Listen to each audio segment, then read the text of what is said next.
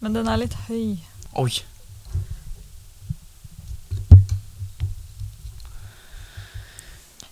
Sånn. Nå. Er vi i gang.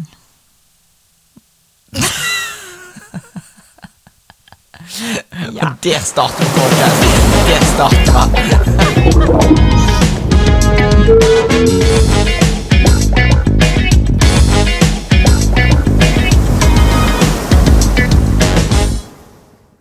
Det er fryktelig mye greier som skjer om dagen. Norge blir hacka, verden sliter fremdeles med klimakrisa, og prinsesse Ingrid Alexandra har fått seg kjæreste. Ja, det er mye å henge med på, men siden du aldri i din villeste fantasi hadde hatt sjans på Ingrid Alexandra, så kan vi vel heller legge fokuset et annet sted, kanskje? Men tenk så konge det hadde vært å være konge. Ja, ja. Men mens du drømmer deg bort, da, så tenker jeg i hvert fall at eh, vi kan snakke litt om klimakrisen. Det kan vi. For eh, klimakrisen er jo ei krise som har nådd sitt klimaks nå. jeg syns det var bra. jeg. Så vi må rett og slett gjøre noe asap for at dette her ikke skal gå voldsomt gale. Ja, det er helt korrekt, Oddgeir. Eh, Og nå sitter vi jo her og har som oppgave å opplyse ikke bare oss selv, men også alle andre om temaet alternative drivstoff.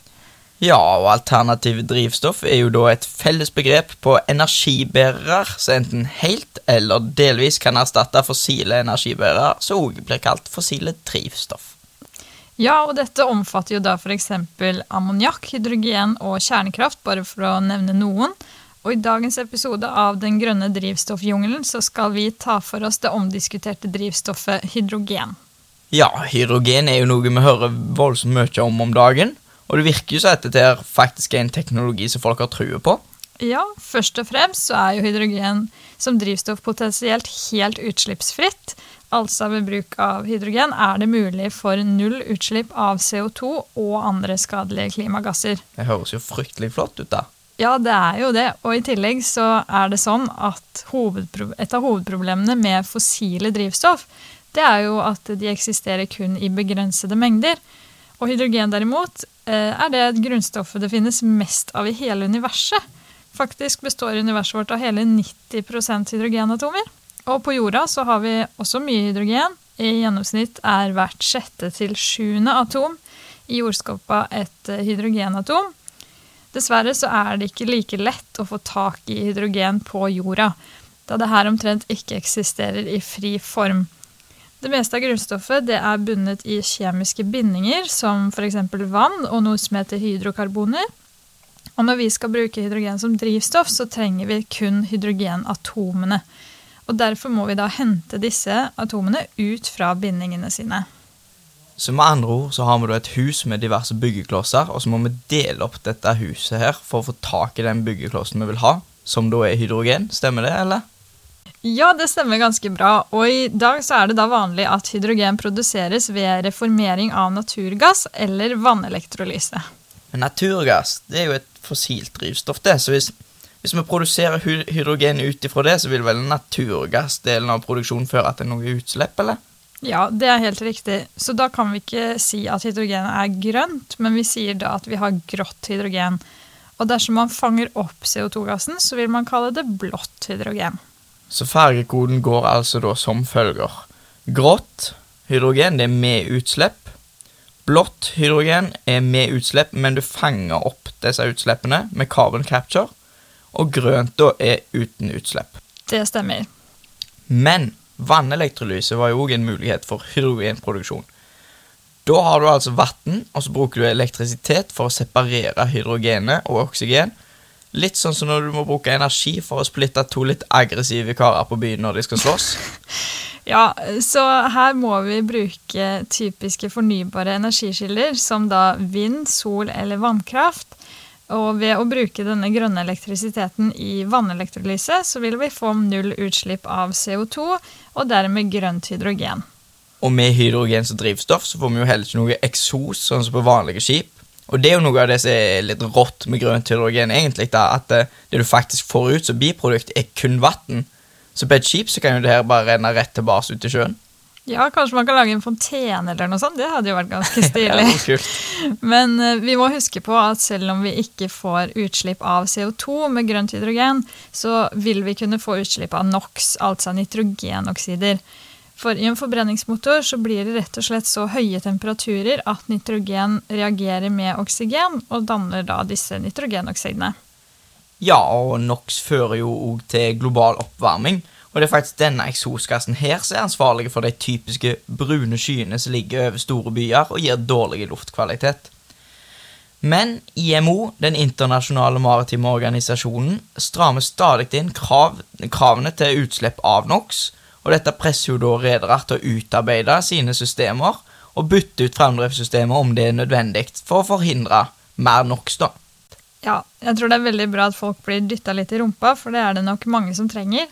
Men eh, hydrogen det trenger jo ikke nødvendigvis å bli brukt i en forbrenningsmotor. Det kan også brukes i en brenselcelle, og da vil vi kunne få null utslipp av både CO2 og NOx. Det er jo helt fantastisk. Ja, rett og slett.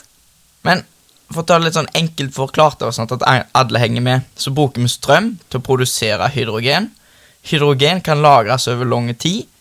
Hydrogenet brukes så til å, lagre, til å lage elektrisitet om bord på skipene, og så brukes denne elektrisiteten igjen til å drive en elmotor, som gjør at propellene spinner, og vi får framdrift. Noe annet som er relevant å tenke på, er jo lagringen av drivstoffet. Og hydrogen det er faktisk brennbart i vanlig luft i konsentrasjoner mellom 4 og 75 Eh, Og ved konsentrasjoner mellom 15 og 60% vil det kunne detonere, altså da eksplodere. Og sikkerhet det er derfor veldig viktig når det kommer til hydrogen. Ja, og disse konsentrasjonene da tilsier at det er farlig å få oppsamlinger av hydrogengass inni et tett rom. Så ventilasjonen er fryktelig viktig når det kommer til dette drivstoffet. Ja, og så vil det også være forskjell på sikkerheten rundt de forskjellige lagringsmetodene av hydrogen. Ja, fordi hydrogen kan jo faktisk lagres på mange ulike måter. Noen eksempel er metallhydrid eller LOHC, men de to mest vanlige formene å lagre hydrogen på er som komprimert gass eller flytende. Og som vi var inne på i starten, så er hydrogen i romtemperatur en gass.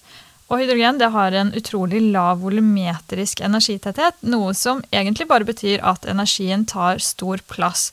Og på skip og andre kjøretøy så vil derfor ikke hydrogen kunne lagres i ukomprimert vanlig form. Men noe av det som gjør hydrogen så attraktivt, er at den har veldig høy gravimetrisk eh, tetthet. Faktisk den høyeste vi kjenner til i dag. Som betyr at det er mye energi i lite vekt. Ja, og flytende hydrogen vil jo ha en høyere volumetrisk energitetthet, og den vil oppføre seg mer som et vanlig drivstoff.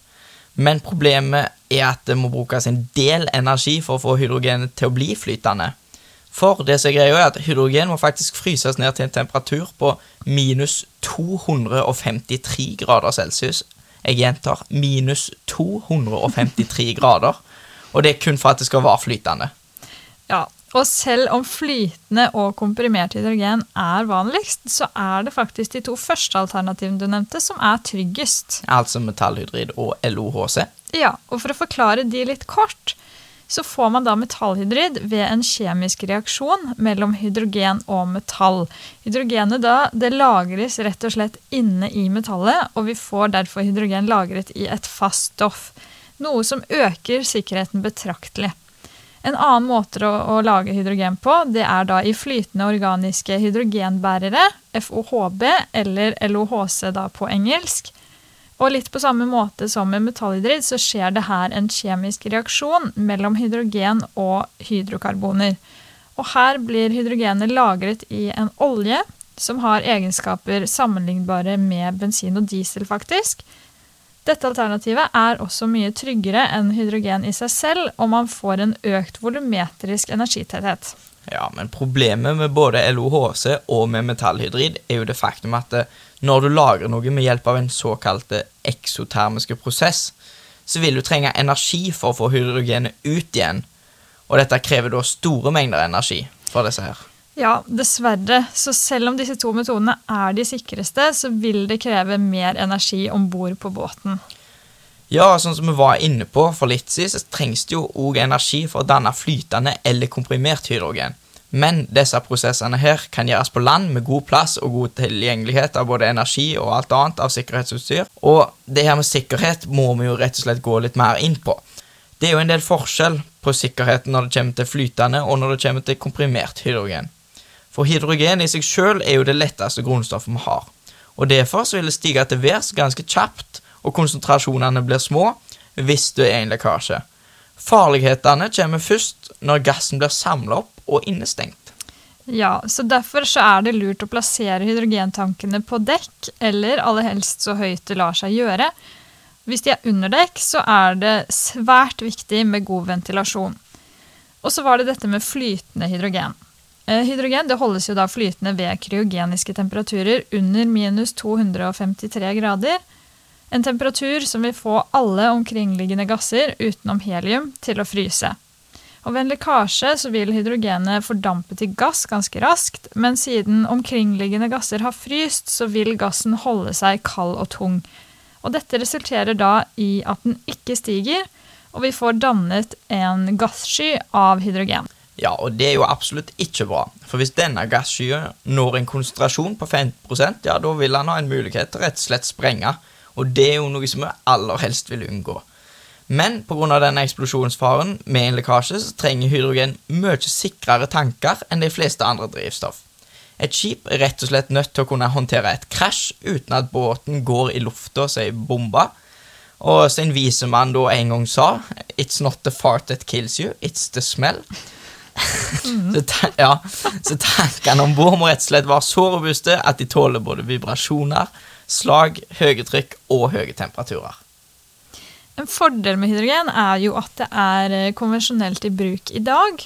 Ja, hydrogen blir jo brukt i oljeraffinering og i den industrielle produksjonen av to andre ganske sentrale stoff, som da er ammoniakk og metan. Det her vil òg si at ammoniakk er en hydrogenbærer og en annen måte å lagre hydrogen på, men det kommer vi litt tilbake til i neste episode. Og siden produksjonen av ammoniakk er så utbredt, så blir det allerede produsert masse hydrogen. I 2020 ble det f.eks. produsert 87 millioner tonn.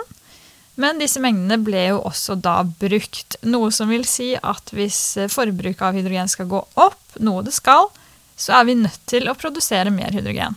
Ja, det stemmer, og forbruket er faktisk estimert å øke med hele 507% innen 2050. Noe som jo høres helt sjukt ut, men det sier voldsomt mye om den utviklingen vi faktisk skal gjennom nå. Og det som er bra her, er at teknologien og kunnskapen rundt produksjon av hydrogen absolutt er til stede i dag.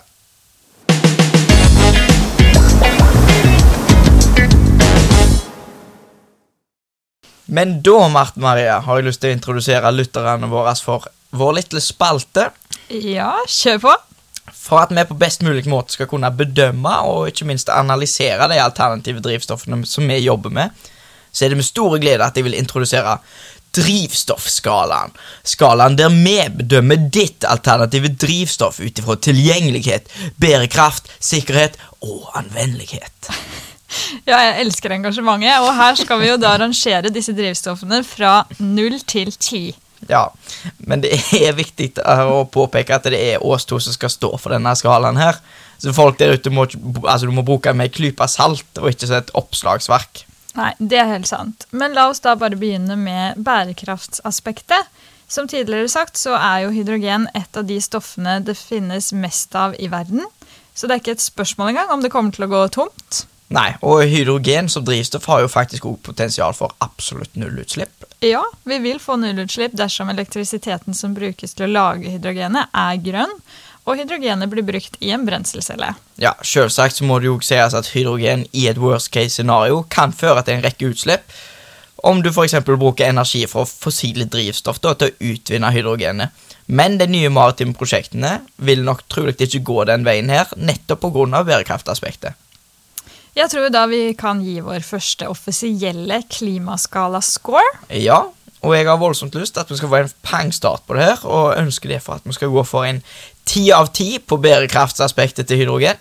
Ja, da skal jeg være den kjedelige som sier at det er ti av ti gitt at hydrogenet er grønt og med brenselceller. Ja, selvsagt. Men videre så har jeg lyst til å fortelle litt om eh, tilgjengeligheten. Det fins per i dag ganske få muligheter for å fylle på hydrogen. Og ifølge en rapport fra det norske Veritas om tilgjengeliggjøring da, av bærekraftige drivstoff til skipsfarten, så er det så langt planer om rundt 29 hydrogenanlegg langs den norske kysten, og om alle disse blir realisert, gjenstår jo å se. Men det er jo faktisk bidratt med statlige midler for å fremme at det her skal skje. Ja, Det er jo et problem at dersom du skal ha en hydrogenbåt, så må du nesten ha en egen fyllestasjon for akkurat din båt. Ja, men hvorfor i alle dager skulle det eksistert bunkringsløsninger for hydrogen når det ikke fins hydrogendrevne skip? Nei, og hvorfor skulle det ha vært hydrogendrevne skip om det ikke finnes mulighet for å fylle tanken? Nei, du sier noe der. Det er jo en klassiske høna-egget-situasjon. Ja, og det er nettopp dette som er problemet, og grunnen til at det grønne skiftet ikke kan skje over natta. Jeg lukter en ganske logisk hår på tilgjengelighet her, altså. Ja, la oss si to av ti, kanskje. Hydrogen finnes jo, det bare finnes ikke fyllestasjoner langs kysten. Ja, det høres ganske så riktig ut. Videre så har vi kanskje en av de viktigste faktorene, nemlig sikkerhet. Ja, vi har jo allerede sagt at hydrogen kan detonere, og at hydrogen er så brennbart at det nesten selvavtenner bare i vanlig luft.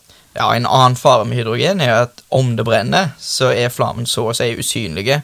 Så det er fryktelig fryktelig vanskelig for det blotte øyet å se at du potensielt har en hydrogenlekkasje som er satt fyr på. Om en gang vi snakker om fare for eksplosjon, så er det jo også snakk om fatale konsekvenser. Men heldigvis betyr jo dette også mye strengere krav til sikkerheten. Ja, absolutt. Og som du nevnte tidligere, så skal jo et potensielt hydrogenskip kunne kollidere, og det som verre, uten at tankene med hydrogen under noen som helst omstendighet skal ta skade. Og selv om hydrogen kan virke skummelt, så eksisterer det god kunnskap og gode løsninger rundt sikkerheten i dag. For eksempel så har vi rør-i-rør-system med inert gass. Vi bruker tykkere og sterkere tanker. Vi har avstandskrav, ventilasjonskrav og andre ting. Ja, men da kan vi vel gjerne prøve å gi en score, da. Jeg foreslår sju av ti. Fordi selv om konsekvensene er store, så eksisterer det voldsomt gode sikkerhetsrutiner på hydrogen i dag. Ja, Det kan jeg si meg enig i. Men hva med anvendeligheten, da? Ja, med hydrogen så er jo teknologien voldsomt moden allerede, men drivstoffet i seg sjøl kan jo være vanskelig å håndtere, i alle fall på et fartøy. Spesielt når du er nødt til å lagre det i komprimert eller flytende form. Ja, og alle sikkerhetssystemer krever mye av både produsentene og mannskapet, spesielt av bunkring. Så jeg vil foreslå en score på fem av ti. Ja, jeg ville gjerne hatt det litt høyere, men jeg kan gå med på det. Ok, Så til oppsummering. Bærekraft ti av ti. Mhm. Tilgjengelighet to av ti. Sikkerhet syv av ti. Og anvendelighet fem av ti. Så alt i alt så ser det ganske lovende ut for hydrogen. Men vi må få enda litt bedre erfaring rundt sikkerhetsaspektet, og ikke minst så må tilgjengeligheten for hydrogen økes. Música